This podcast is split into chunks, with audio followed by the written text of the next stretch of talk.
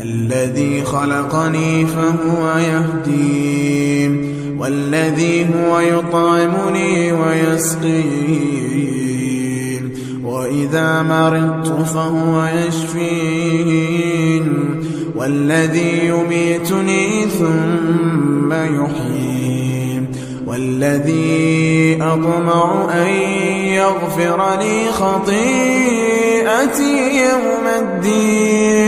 رب هب لي حكما وألحقني بالصالحين واجعل لي لسان صدق في الآخرين واجعلني من ورثة جنة النعيم واغفر لأبي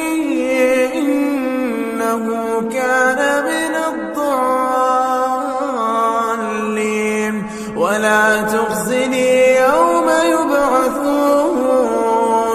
يوم لا ينفع مال ولا بنون إلا من أتى الله بقلب سليم.